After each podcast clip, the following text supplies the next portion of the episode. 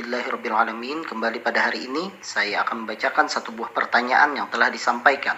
Assalamualaikum dokter. Waalaikumsalam warahmatullahi wabarakatuh. Perkenalkan nama saya Aina usia 51 tahun. Bulan November 2021 yang lalu ketika saya mau operasi pergelangan tangan Kalau tidak salah namanya trigger finger Sebelum operasi saya disuruh cek gula darah dan ternyata hasilnya 209 Kemudian besoknya periksa lagi tanpa puasa turun menjadi 180 tanpa meminum obat.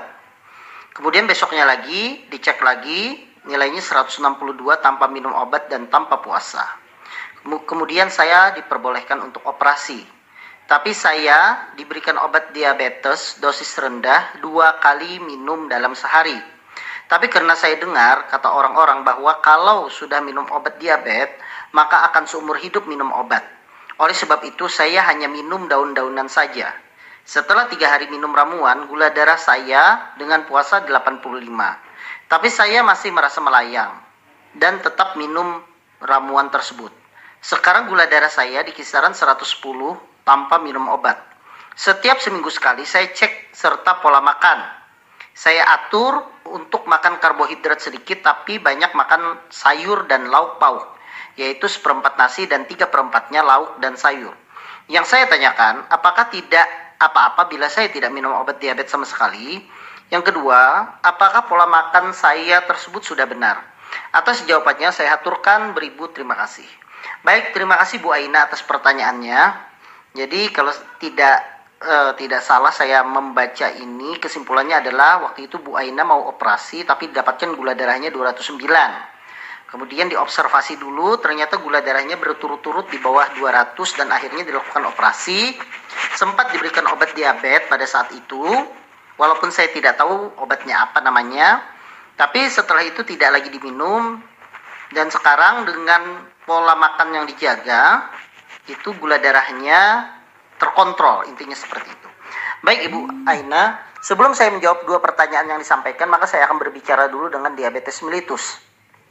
Berdasarkan dari konsensus Perkeni, yaitu Perkumpulan Ahli Endokrinologi seluruh Indonesia, bahwa yang namanya diabetes mellitus itu ditegakkan dengan yang pertama adalah pemeriksaan gula darah sewaktu. Gula darah sewaktu di atas 200. Kemudian gula darah puasa di atas 125 kemudian tes toleransi glukosa oral di atas 200 dan HbA1c di atas 6,5. Salah satunya di atas nilai yang disampaikan tadi maka dia disebut dengan diabetes mellitus. Tetapi ada tambahan dulu. Dia harus diawali dulu dengan adanya gejala klasik. Apa saja gejala klasik itu? Yaitu yang pertama penurunan berat badan yang drastis, kemudian adanya 3P, poli pagi, polidipsi dan poliuri. Banyak kencing, banyak makan, dan sering lapar dan sering haus. Nah, kalau itu ada gejala disertai dengan hasil lab yang saya sampaikan tadi, maka dia tegak dengan diabetes mellitus. Nah, saya tidak tahu bagaimana gejala ibu terhadap diabetes mellitus, tetapi kalau seandainya ibu tidak ada gejala itu, kemudian ada gula darah yang naik, mungkin masih kita ragukan bahwa ibu menderita diabetes mellitus. Mungkin saja dia hanya toleransi glukosanya saja yang terganggu. Tetapi kalau seandainya memang ada gejala seperti sering kencing, kemudian sering lapar, kemudian penurunan berat badan, kemudian tadi disertai gula darah sewaktu yang di atas 200 tadi, maka sebenarnya sudah masuk dalam kategori diabetes mellitus atau kencing manis.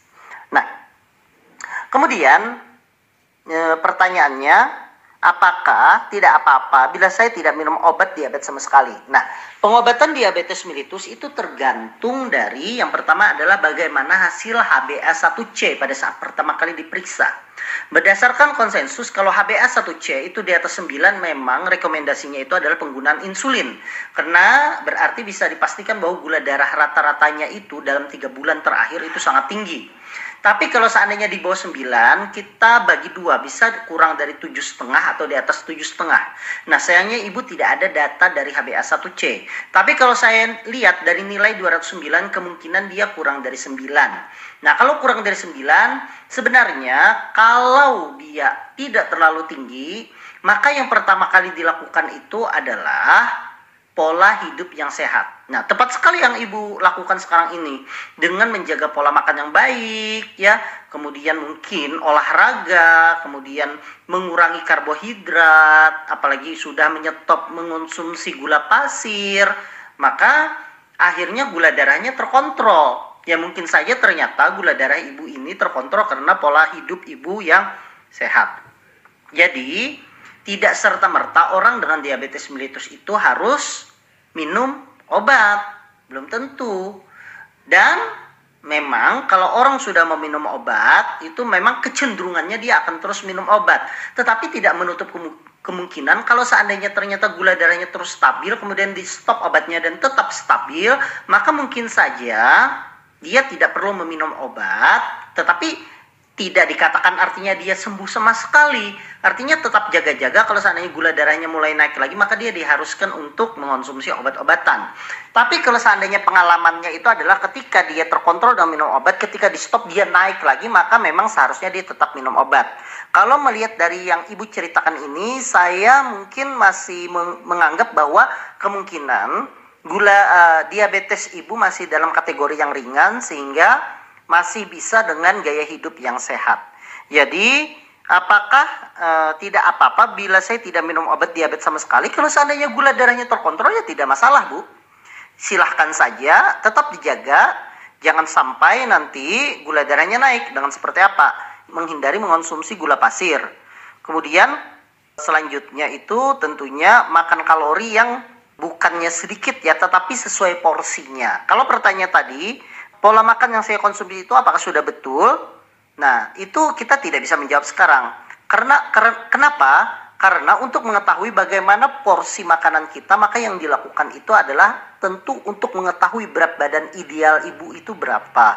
Kemudian setelah tahu kita berat badan idealnya, kemudian baru ditentukan jumlah keperluan kalori ibu hariannya seperti apa. Begitu diketahui jumlah kalori harian baru dibagi karbohidratnya sekian, proteinnya sekian, lemaknya sekian.